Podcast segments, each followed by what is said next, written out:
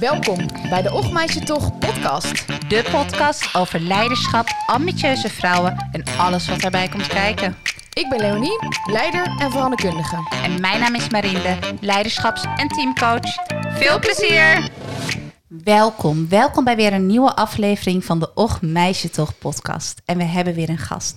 Aan de keukentafel, wel gewoon uh, bij mij thuis, uh, zit Danielle voelen, voelen. Ik ga spontaan twijfelen, terwijl we altijd al, elkaar al een tijdje kennen. Ja, het is gewoon volen. Volen gewoon, inderdaad. En uh, op haar LinkedIn is te lezen dat ze senior management coach is, coach is interim CFO en vertrouwenspersoon. Um, maar dan, wie is Danielle zelf? Daar gaan we het echt over hebben met elkaar. Prima. Wat fijn dat je er bent. Dankjewel. Dankjewel. Ja, leuk om hier te zijn. Leuk bij jullie allebei te zijn. Ja. Hoe zou jij uh, jezelf omschrijven? Nou ja, we hadden het daarover. Ik had uh, een vriendin van mij gevraagd om, uh, om het te beschrijven. Ik vind het altijd wat, uh, wat lastig. dus nou ja, zij had een aantal dingen. En nou, ik moet dan toch even, even naar kijken. Dus wat ze zei was dat ik energiek en gevoelig was. Vastberaden en warm. Doelgericht en verbindend. dat waren ongeveer mijn, de kenmerken. Nou, daar herken ik mezelf uiteraard in. ja. Dus dat is wat ik ben, niet wat ik doe. Dus die andere dingen is wat ik doe. Ja, dus een, inderdaad karaktereigenschappen wie je bent. En wat doe jij voor de luisteraars? Wat doe ik? Uh, ja, ik uh, help organisaties uh, met name op het financiële en operationele vlak. Um, als ze interim iemand nodig hebben of om dingen, projecten um, te begeleiden, fusies of adviesklussen. Um, maar ook, dus ik ben me aan het verbreden ik ben ook vertrouwenspersoon, omdat ik uh, zowel de bovenlaag van de organisatie als de onderlaag uh, wil leren kennen, bedienen. Maar dat zijn wel verschillende rollen. Ja. Oké. En je bent Tof. hier vandaag ook om het met ons te hebben over mannelijke en vrouwelijke aspecten in leiderschap. Daar mm -hmm. raakten wij over in de praat en wij kennen elkaar van vroeger de teamcoachopleiding. Um, en daar gaan we vandaag op inzoomen. Ja, goed plan. ik vind een heel goed plan. Ja, we hadden net al, ik merk dat ik honderden vragen heb. En ook al voordat we de aflevering gingen opnemen, waren er gewoon al zoveel vragen. En uh, het, het, het ging al over het heilige en de hoer in ieder vrouw. Het ging over Anne en Maria. Het, het, maar het ging ook gewoon over zaken doen en tak, tak, tak. Ja. Um, het ging alle kanten al op. Dus we moeten, ja, ook, we moeten, de, lijn, lijn bewaken. We moeten de lijn bewaken, inderdaad. Uh, dat is nou. dan precies. Uh, dus inderdaad tussen de lijn bewaken en overal opgaan. Uh, dus de kaders, het mannelijke. En, het vrouwelijke uh, als meebewegen met alles. Dat, uh, dus zowel het een als het ander en daar de combinatie van, dat geeft, uh, nou, dat geeft energie en reuring en, en creativiteit. Want we hebben elkaar ook al geïnspireerd in dit kleine voorgesprekje van, nou, ik denk tien minuten. Ja, ja. Um, dus ja, dus allebei die eigenschappen Precies. hebben. Je zegt, je hebt het ook alle twee nodig. Ja. Om, met Wat mooi omschreven ook. Ik heb nog nooit zo gehoord eigenlijk. Dat je dit kader hebt en daartussen de meebewegende lijn, wat dan voor reuring zorgt, had ik het helemaal nooit bedacht. Oh, ja. ja, want zonder kader, uh, zonder kader ga je, nou ja, vlieg je uit de bocht. Ja. Dus uh, het, is, het is eigenlijk een soort guardrails die je dan uh, die je hebt. en dan is de vraag hoe hard zijn die guardrails? Is dat beton of veert het een beetje mee ja. in, nou ja, privé of in zakelijk? Um, en, en mijn ervaring is dat het vaak ge gegoten is in beton. En, uh, nou, en dat is denk ik precies waar, dat is in ieder geval waar ik voel dat we, uh, dat we toch een beetje uh, daar wat flexibiliteit in, in nodig hebben. Wat sensitiviteit. Wat dat sensitiviteit, is, ja. ja, ja, precies. Je bent bij de Ochmeisje toch podcast. Dus als we even teruggaan. Hoeveel Ochmeisje tochs heb jij ongeveer in je leven gekregen of ben je tegengekomen? Nou ja, dat is grappig eigenlijk. Dat is waar we eindigden, of nou ja, ons voorgesprek eindigde en eigenlijk hiermee begonnen. Uh, want eigenlijk heb ik daar niet zoveel last van gehad. Um, dus ik uh, sta heel erg voor het vrouwelijke en, en de vrouwenkwestie. Maar zonder dat het. Um, nou ja, zonder dat het een ding is, zonder dat het eh, alles overheersend is. Ehm, dus ik heb er eigenlijk nooit last van gehad. Ik ben gewoon doorgedenderd uh, in mijn carrière. En misschien scheelt het dat ik in Portugal begonnen ben met werken. En daar is het vrouwen in het zakenleven niet zo'n issue. Omdat alle vrouwen en mannen, of in ieder geval alle vrouwen, moeten daar ook werken fulltime. Dus uh, ik had juist heel veel uh, vrouwelijke financieel directeuren in, mijn, uh, in de bedrijven waar ik werkte. Dus het, vrouwen, het vrouwen was daar niet een, niet een issue. Um, en misschien zijn die culturen ook wel wat meer, net de zuidelijke of de, um, zijn die culturen iets, iets meer ja, vrouw, vrouw gefocust. Uh, meer dat vrouwen mm -hmm. bij elkaar uh, zijn. Um, terwijl we hier in Nederland, wat ja, ik denk sowieso, in Nederland zijn we wat individualistischer. En dat maakt misschien dat vrouwen zich ook wat alleen, meer alleen voelen of minder voorbeelden hebben waaraan ze zich kunnen uh, spiegelen. Dus voor mij was het geen issue. Natuurlijk heb ik wel, je merkt wel in, in vergaderingen en, en nou ja, uh, wie wordt er verwacht uh, de koffie in te schenken of de broodjes, dat ik dat dus per se niet deed. Um, en ook, uh, ook recent, bedoel, ik zie het wel om me heen gebeuren, maar dan is dat niet met mij. Maar wel met bepaalde karaktereigenschappen die vaak aan vrouwen worden toegedicht. En dan heb je het over emoties. Uh, mijn laatste blog ging over um, uh, een manager die zei achteraf: Ja, wat was ze toch weer emotioneel? Terwijl ik zat bij dat gesprek en ik hoorde helemaal geen heftige emotie. Alleen diegene, die vrouw, die sprak wel uit wat er zich onder water bewoog. Dus zij gaf daar woorden aan en dat was helemaal terecht. Uh, omdat de manager over iets heen walste. Um, waar de rest van het team zoiets had van... je zag allemaal mensen die een beetje moeilijk keken. Dus het gaat over, kun je aanvoelen of, of zien wat er gebeurt in een team? En als je dat niet aanvoelt als leider... dan, uh, dan mis je denk ik een heel stuk. En dan mis je zeker de verbinding. Dus, ja, en in uh, dit geval werd dus toegeschreven aan ze is emotioneel, dus de vrouw Ja. is emotioneel. Ja. Ehm, maar eerder eh, vertelde je, ik ben begonnen in Portugal en daar is het helemaal geen ding. Daar zijn vrouwen in het zakenleven heel normaal. ja, klopt. Is de onderstroom hè, die je benoemt, zijn emoties daar dan ook normaler? Of Ja, ik denk in zuidelijke landen, daar hebben we, als je ook kijkt, uh, ja, er komt nu een beeld op van een begrafenis bijvoorbeeld. In Nederland dan zijn we heel contained. En in die andere, in die zuidelijke landen, daar geven mensen veel meer. Ik bedoel, kijk naar, naar zang en dans in, in uh, Zuid-Europa, maar ook uh, Marokko, nog wat, wat verder. Mhm. Uh, daar is het veel intenser. Dus mensen geven makkelijker uiting aan hun emoties. Ik denk Ja. dat het Calvinistische Nederland, het koude, dat doet natuurlijk ook wat met mensen, maar dat dat, uh, ja, dat, dat, dat ook wel een effect heeft wellicht. ja, dus er is sowieso meer expressie en daarmee ruimte voor dat wat er leeft, Ja. zeg je. Ja, Ja. en dus dat is ook normaler. En, en in Nederland is dat wat. eh, eh, en misschien, nou ja, kijk naar Engeland, eh, de stiff upper lip, dus de keeping up appearances. ja, daar hebben we dat niet zoveel. Dus wij willen vooral, nou ja, de norm, dus het normaal. Ja. Het normaal is hier. Ja, hou het maar even, nou ja, goed. Beetje niet- gedijst, ja, hoor. Ja, Niet, ja. niet heeft heftige emotie. Dus eigenlijk die manager waar ik het net over had, het leek, ik bedoel, als je hem had horen zeggen van nou, nou, ze was wel emotioneel. Nou, ik krijg er dan een beeld bij van nou, iemand die echt hevig uit de plaat gaat. Maar dat was helemaal niet, want zij zat eerst zat ze in te slikken en toen zat ze zo te denken van oh, wat ga ik zeggen? En het voelde voor mij alsof er een bom ontploft was in, in dat team. Eh, want de manager die zei dat hij eh, een andere job had aangeboden gekregen van het bestuur. En, en dat hij dus eigenlijk hun teamoverleggen eh, moest halveren. En, en het team die had juist behoefte aan die teamoverleg en die verbinding. Dus die, die had zoiets van, wow, wacht even. En hij ging daar heel snel overheen. Dus zij gaf woorden aan de emotie die er gevoeld werd. Maar op een hele basic toon. Maar blijkbaar was die manager zo gevoelig dat hij wel aanvoelde dat het best heftig was. Alleen hij kon er niet zoveel mee en ging er, ging er overheen. Ja. Ja.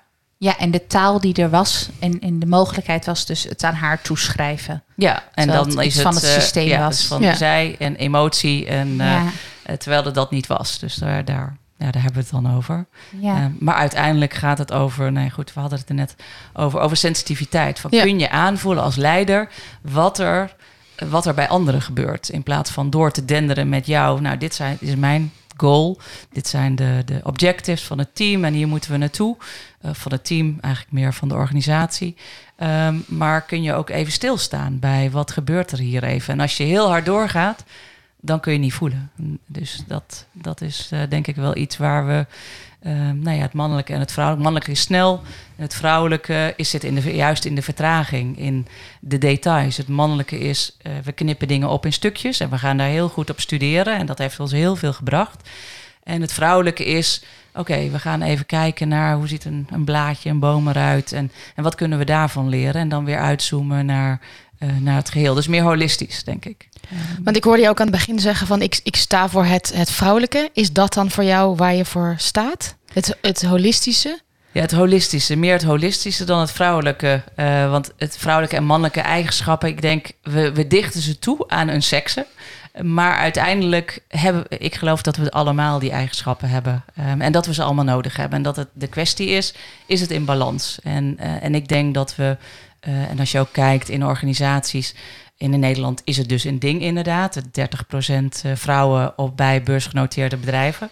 Um, uh, als je in organisaties kijkt, dan zijn er vaak veel mannen. Want ja, als 30% niet eens halen, dan is dus 80% is man. Dus wij spiegelen ons aan, uh, aan die man, die mannelijke eigenschappen, die snelheid, dat doelgerichte. Um, en uh, als, we dat niet, uh, als we dat niet in balans hebben, dan creëren we organisaties die eigenlijk allemaal hetzelfde zijn. Dus eigenlijk in balans is 50-50 in onszelf. Dus in mij, ik ik ben ook iemand die heel doelgericht is, wat ik net zei. Die ook snel wil gaan. Dus ik heb echt moeten leren van ja, vertragen. En dat vond ik heel lastig. Want ik zag vertragen als, joh, dan ben je lui en slecht. Dus er zitten allerlei oordelen op de mhm. andere kant van de medaille. Dus ik denk, dus het in balans. Dus het is niet het vrouwelijke of het mannelijke, maar er zijn bepaalde eigenschappen. En die moeten we in balans hebben. Ja, precies. Dus tegenover de eigenschap doelgericht moet altijd een andere eigenschap staan die daarmee in conflict is eigenlijk. Maar die je zodanig in balans moet brengen. En wij als maatschappij koppelen daar mannelijk en vrouwelijk aan. Maar als we die woorden weg zouden strepen, heb je eigenlijk gewoon karaktereigenschappen die tegenover elkaar staan, mhm. die je in balans moet zien te brengen. Ja, dat dus is goed altijd de andere kant van de medaille. Ja. Dus, ja. dus als je bij jezelf iets herkent uh, van nou, oké, dit heb ik, dit, zo ben ik. Oké, en wat is dan de andere kant? En heb ik dat ook voldoende? En besteed ik daar voldoende tijd aan? Ja, en daarin hoor ik, heb ik dat ook ontwikkeld. Want ja. jij zegt, je hebt het eigenlijk allemaal in je. Ja, maar het een heb je meer ontwikkeld in. dan ja. het ander. Ja, dus want uh, je ontwikkelt iets of je hebt de natuurlijke uh, propensity, een natuurlijke uh, iets aangeboren. Of uh, je, het wordt je aangeleerd door je omgeving, door je ouders, et cetera. En nou ja, bij mij, um, bij mij is een, inderdaad een doelgerichtheid, snelheid. Uh, dat is wat ik geleerd heb. Heel, ik denk dat in ieder geval mijn generatie, maar misschien, ja, jullie zijn een stuk jonger dan ik. Maar in ieder geval mijn generatie dat ouder. zeggen. Ja. ja. van net na de oorlog, die, um, nou ja, de wederopbouw. Ik denk ook in Nederland, waar we. Um, waar men vooral naar voren gericht was om te kijken, weet je, achter, het was gewoon heel slecht. Het was heel erg. Er is, is heel veel gebeurd. Veel je wilt niet achterom kijken. Nee, nee, je wil niet achterom kijken. Maar dat betekent dus dat je dus heel erg voorwaarts gericht bent. En als je dat bent, nou, als je dat realiseert, dan kun je denken: oké, okay, wacht even. Maar ergens eh, moet ik ook nog naar mijn geschiedenis kijken. Wat kan ik daaruit leren? Dus, dus telkens eh, je eigen patronen herkennen en uh, kijken wat kan ik daaruit leren. En nou ja, mijn, waar ik voor sta is dat uh, ja, mensen en zeker leiders. Want op het moment dat je dat als leider kunt doen, naar jezelf kunt kijken onder water. Dus niet alleen maar even een beetje met je, um, uh, noem je dat? Um, je snorkeltje. Even, even een beetje onder water duiken. Maar ja, niet te ver. Maar als je echt diep kunt duiken van naar wat maakt nou dat ik ben zoals ik ben, dan kun je denk ik die dingen in balans brengen. Want dan kun je het herkennen en dan kun je het veranderen. Want, ja. want hoe, hoe, zouden, hoe zouden jouw collega's jouw leiderschapsstijl uh, omschrijven? Um, microfoon even dwaalt even, even microfoon. Ja. Doe hem vooral recht. Ja. Uh, mijn leiderschapsstijl. Um, nou, in ieder geval um, dat? verbindend, energiek. Dus en motiverend. Uh, ja, dus eigenlijk ergens tussen uh, een hele grote drive hebben, maar ook niet vergeten, uh, niet het grotere geheel. Uh, dus eigenlijk zowel naar het eh, naar het grotere geheel kijken als naar wat heeft deze persoon nodig. Dus, dat, dus elk, elke keer dat inzoomen en uitzoomen. Dus uitzoomen naar stakeholders, het grote geheel. En eh, dan weer inzoomen naar wat heeft deze persoon nodig. En, eh, en soms is dat tegenstrijdig. En dat als leider, Ja. als coach is dat veel makkelijker. Want dan ben je, sta je aan de zijkant van de Mhm. organisatie. Maar als leider, eh, nou ja, daar hadden we het er ook over. Van je, eh, je ziet, je hebt eh, heel veel doelen en ik wil heel veel doen. Dus ik neem altijd veel meer hooi op mijn vork dan, mij, dan gevraagd wordt. Ehm, en daarmee delegeren. En dan wil ik ook anderen inspireren en dingen delegeren, uiteraard.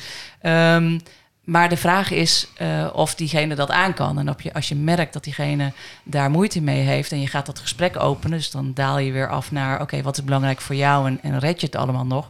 Dan creëer je ruimte voor die ander. Ja, en dat kan soms, eh, dan kan het soms gebeuren dat die ander.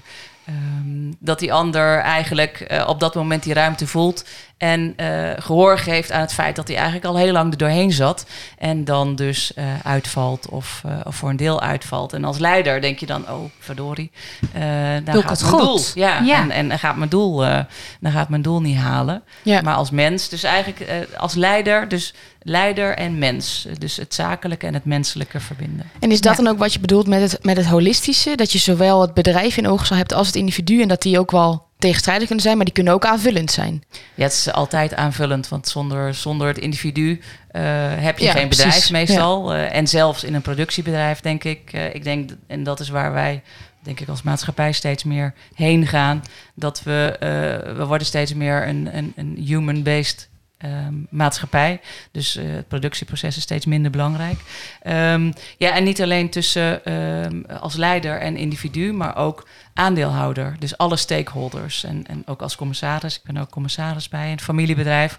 Als commissaris, daar moet je alle stakeholders in ogenschouw houden. Dus ook de leveranciers. Dus eigenlijk het hele ecosysteem. Ja. Dus we Ja. gaan steeds meer naar een ecosysteem. Maar het begint bij het individu altijd. Ja, En, en als leider heb je daar denk ik een, eh, een extra verantwoordelijkheid voor. Want als de leiders ehm, eh, niet in evenwicht zijn en, en die verbinding niet kunnen maken, ja, hoe kun je dan, net als met ouders, hoe kun je dan verwachten dat de rest van de organisatie het wel kan? Als je als ouders niet op één lijn zit, of als je als ouders alleen maar in de bovenstroom blijft, eh, blijft roeien, ja, hoe kun je dan verwachten dat je, je kinderen of je werknemers eh, eh, dat wel kunnen? Dus ja, je wel moet een goede duik nemen. En, en ja, je hebt, het, je hebt een, ver- nou ja, een groot een voorbeeld te geven Ja. als. Hey, dit klinkt allemaal echt te gek, Danielle. Ik zou je ook gelijk aannemen, want het, het- nou ja, dit, ik, ik voel alleen maar, ja, dit wil je. Dit is het leiderschap waar je naartoe wil. Maar is het altijd zo in balans in, in de praktijk? Of is het bij jou altijd zo balans geweest? nou ja, als je het hebt over mij, of heb je het over organisaties als geheel? Nou, eh, jij zit aan tafel, dus laten we eerst bij jou beginnen als je het goed vindt. Ja, dat is goed.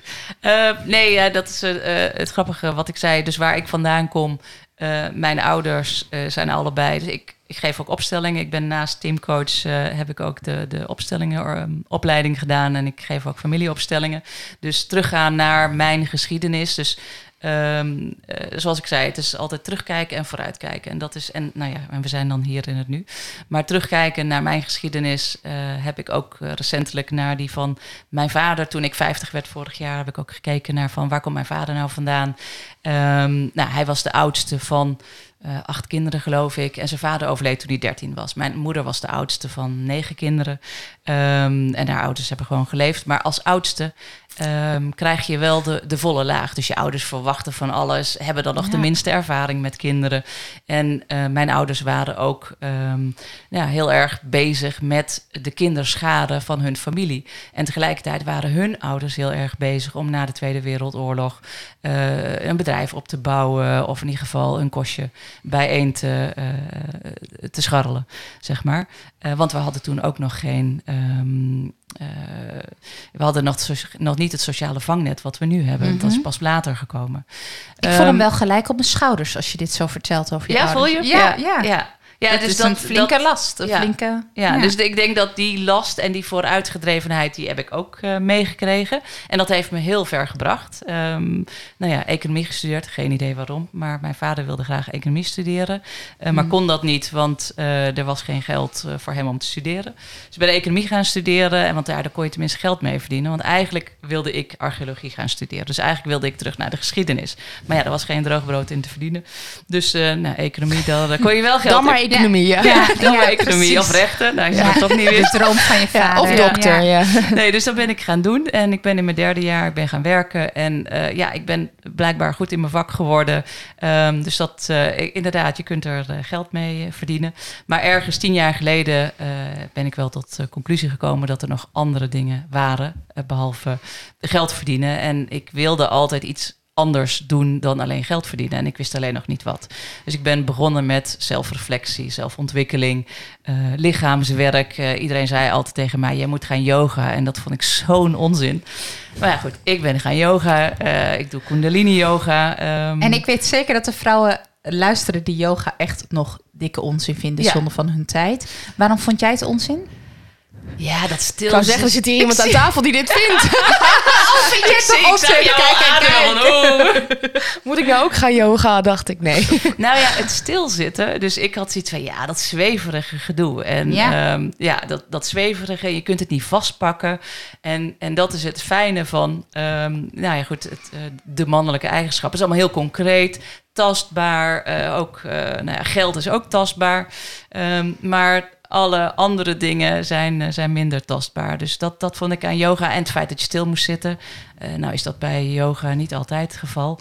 Maar eigenlijk vond ik het, eh, vond ik het heel fijn. Ehm, dus eh, nou ja, yoga, belly dance. want ik moest ook maar goed in mijn lijf komen. Ja, emotioneel lichaamswerk. Ehm, ik ayahuasca gedaan. Ehm, Wat is dat? Ayahuasca? Ayahuasca, dat is een, een, een thee die ze in, in Peru drinken die hallucinerende werking heeft. Ik had nog nooit drugs genomen, maar die... Ik krijg hem echt elke maand aangeraden om een ayahuasca-trip te maken. Het is interessant Door dat wie? jij dat nog nooit aangeboden Nee, ik heb dat nog nooit gekregen. aangeboden gekregen. Nee, nee, moet je op yoga gaan. Ja. Ja. Nee, dus nee, Ja, ik wilde maar gewoon het hebt dus hele echt een spectrum. hele, het hele- ja. Je hebt veel gedaan. ja, ik wil aan gewoon kant. Veel tien jaar geleden. Ja, in die tien jaar. In die tien jaar. Ja. Nee, maar precies. Dus dan ben je wel... Was je daarvoor dan niet in balans? Nou ja, ik bedoel, ik bleef staan, dus ik... eh, dan, Ja, ja, ja. Dus, maar ik was heel gedreven, dus dan was ik wel in balans, maar met een focus op één aspect. En dat aspect was mijn gezin, mijn eh, werk, eh, mijn, ont, nou, mijn ontwikkelen in mijn werk en, en geld verdienen en overeind blijven. Kijk, als je kleine kinderen hebt en, en je bent met de carrière bezig, dan, dan ben je een soort van aan het overleven. Dus eigenlijk was ik, net zoals mijn ouders, aan het overleven. En dat is overleven in het dagelijks leven. Ja. En dan heb je geen, nou ja, weinig ruimte in je hoofd om andere dingen te ontwikkelen. Dus ik was vooral ja, heel druk met al die dingen. En ik werkte meer dan fulltime. Ik reisde. Dus ik had een hele, hele drukke en veel eisende baan. Ja. Ehm, maar ik was doodongelukkig. Ik was echt. eh, dus ik was vooral buiten mezelf bezig en niet in mezelf. Dus je kunt dingen op anderen projecteren en daardoor blijf je gewoon heel hard doorgaan.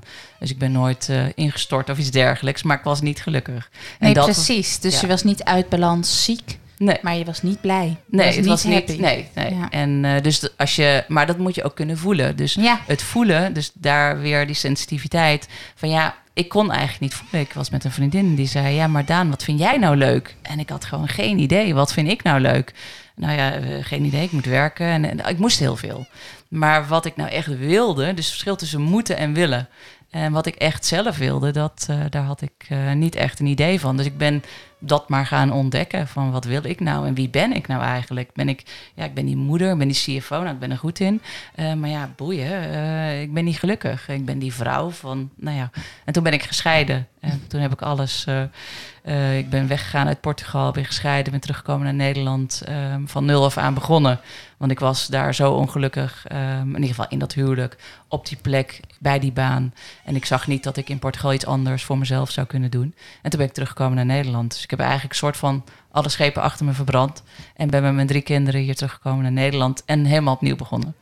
Dus dat. eh, dus ja, en, en dat was een opluchting. Dat was een. ehm, ja, het was, ik voelde me net als een student die dan, eh, maar dan met drie kinderen, die dan eh, weer eh, op kamers mag. Ja, ja. Ehm, Opluchting is wel een gevoel, ja. toch? Ja, ja, ja, Ja. Ik was inmiddels Ja. beginnen, Je was begonnen, met begonnen gevoelens. Ja, precies. Want daardoor kon je ook die keuzes maken. Daardoor kon je voelen dat dat het niet meer was. Ja, maar niet wat dan wel. En ook Ja. het benoemen. Dat is ook interessant. Ehm, ik weet niet of jullie non eh, verbindende communicatie, geweldloze communicatie Mhm. kennen. ja. Ehm, nou ja, het benoemen van gevoelens. En het schijnt dat C-level, dus eh, CEO's, CFO's, COO's, dat die eh, het- minst ehm, eh, eh, namen, in ieder geval gevoelens kunnen benoemen.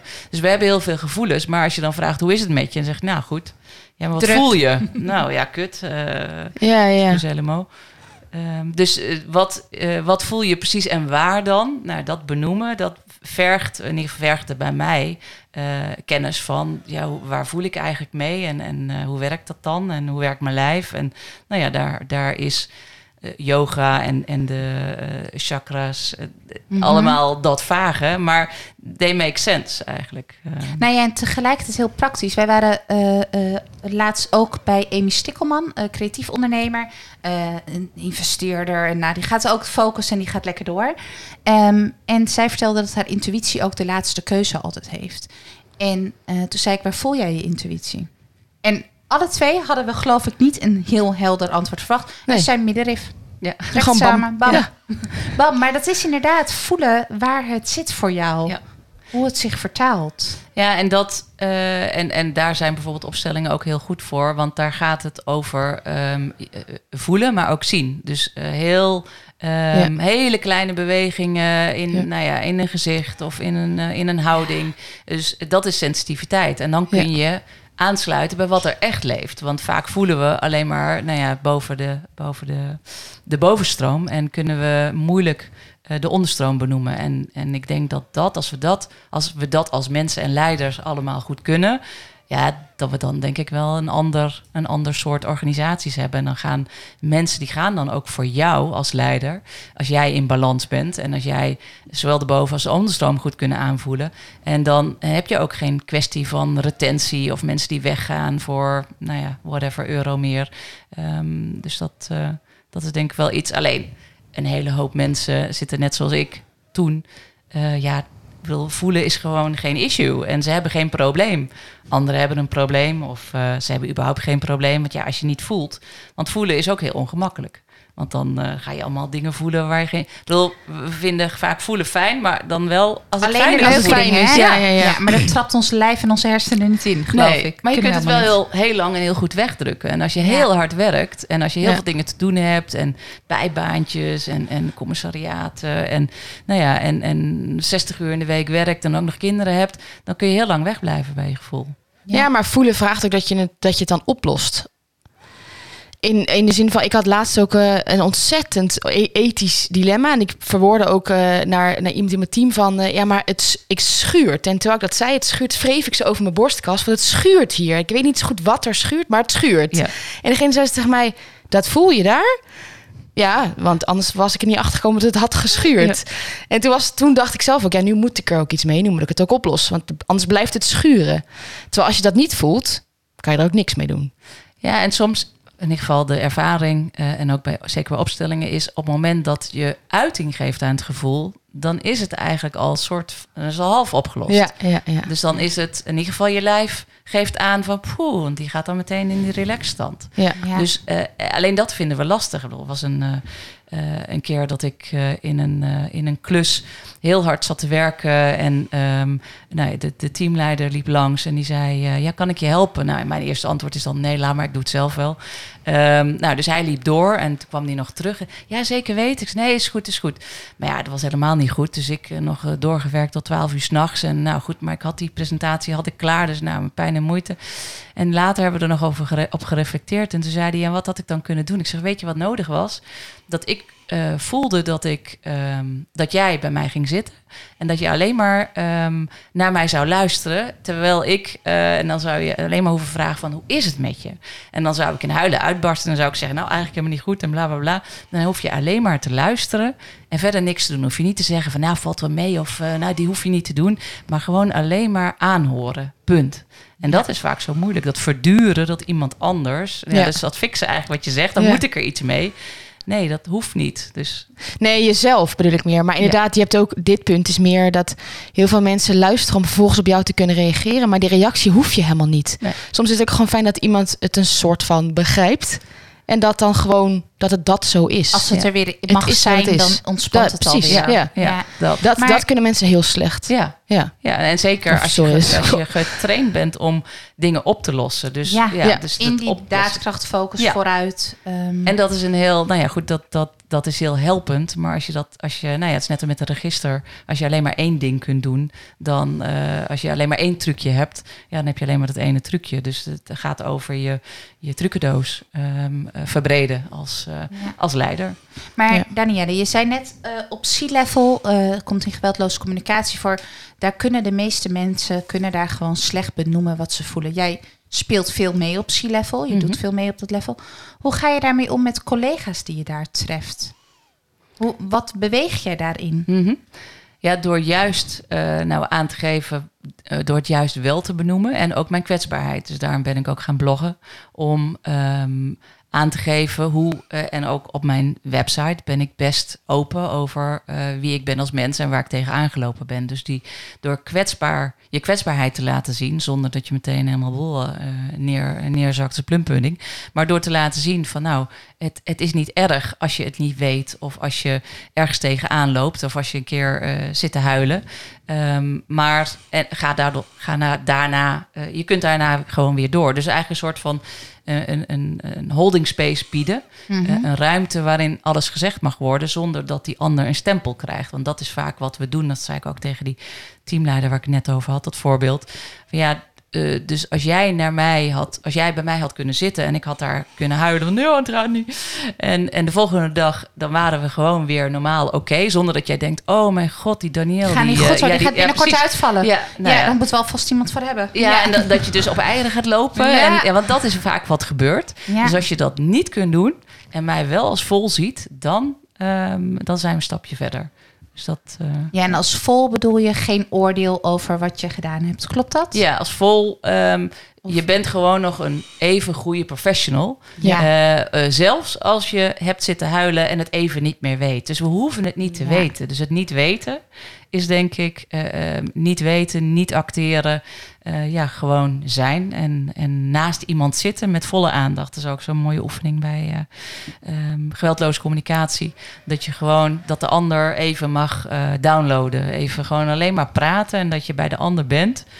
Uh, zonder dat je knikt of uh, iets zegt. Ja. En, uh, ja. ja. Maar ik kan me ook wel voorstellen, ik werk in een best wel hiërarchische organisatie.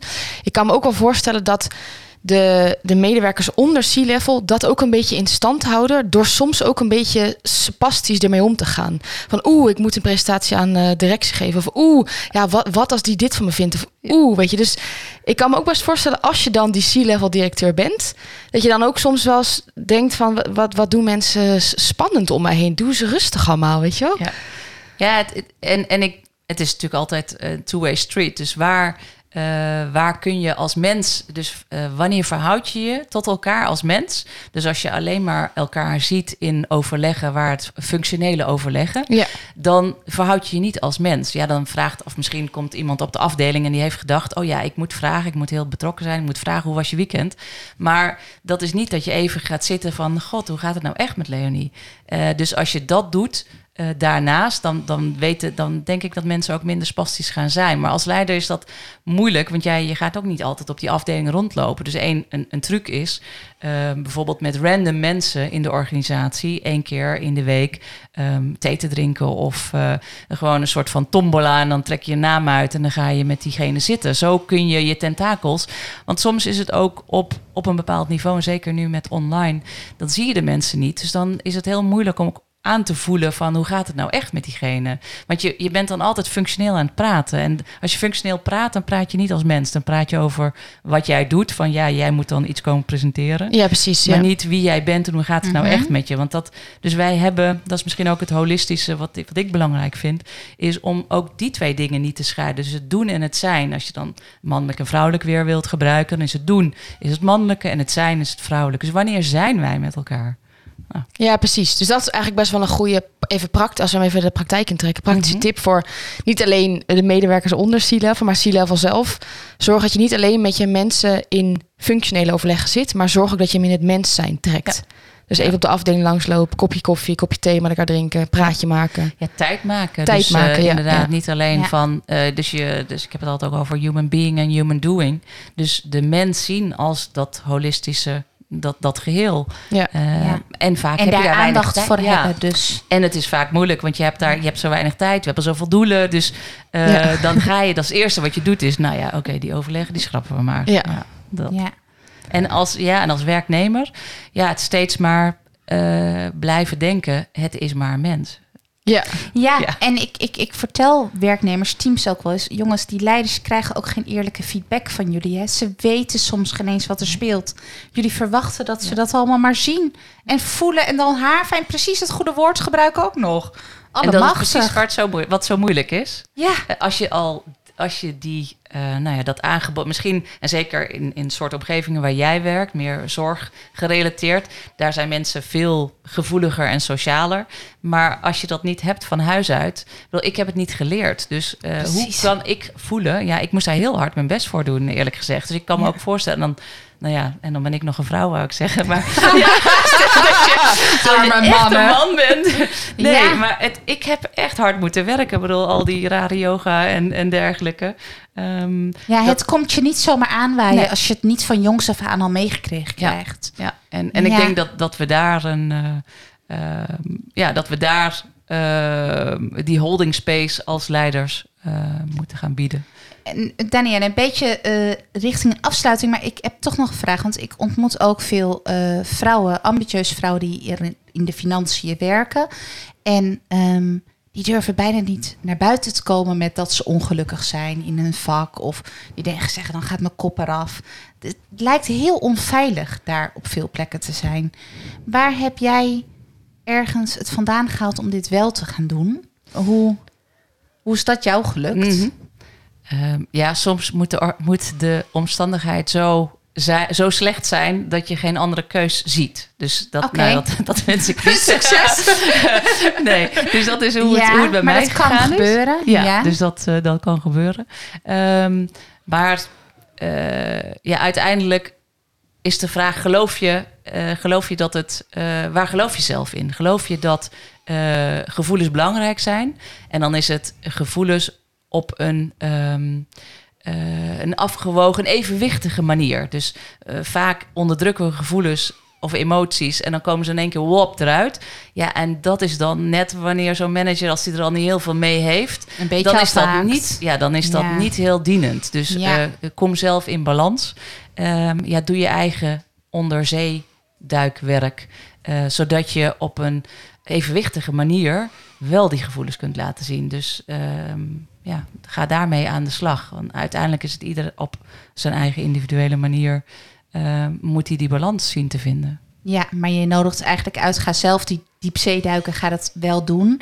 En kijk wat je daarvan mee kan nemen richting je werkplek weer. Ja. Op een gebalanceerde manier.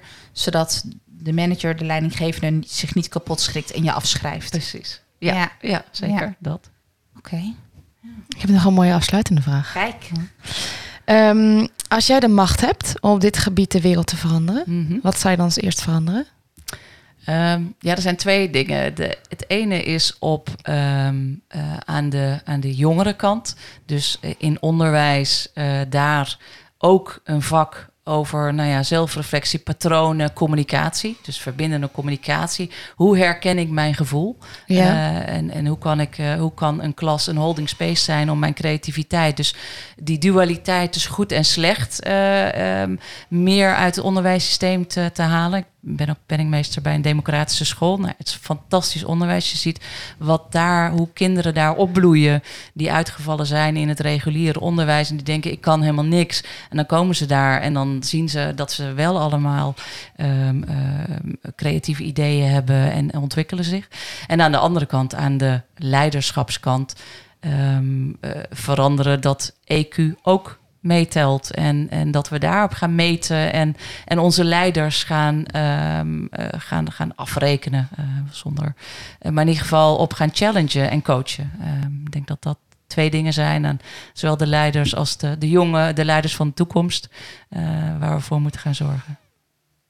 Tof. Mooi. Dus aan het begin en in de huidige leiders. Yes. Ja. er worden nieuwe ministers gezocht op het moment, geloof ik, Danielle. nee, ik denk dat ik die hebben voorbij laat. Ik ben weer niet zo politiek.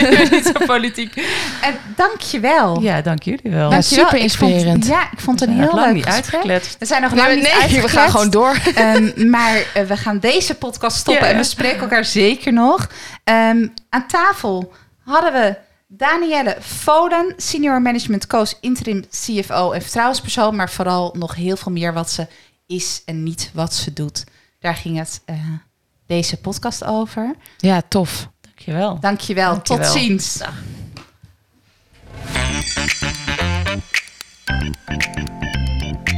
Vond je dit een leuke aflevering? En wil je meer van ons horen? Volg ons dan op Instagram. Of stuur een mail naar ochmeisjetoch.gmail.com Doei!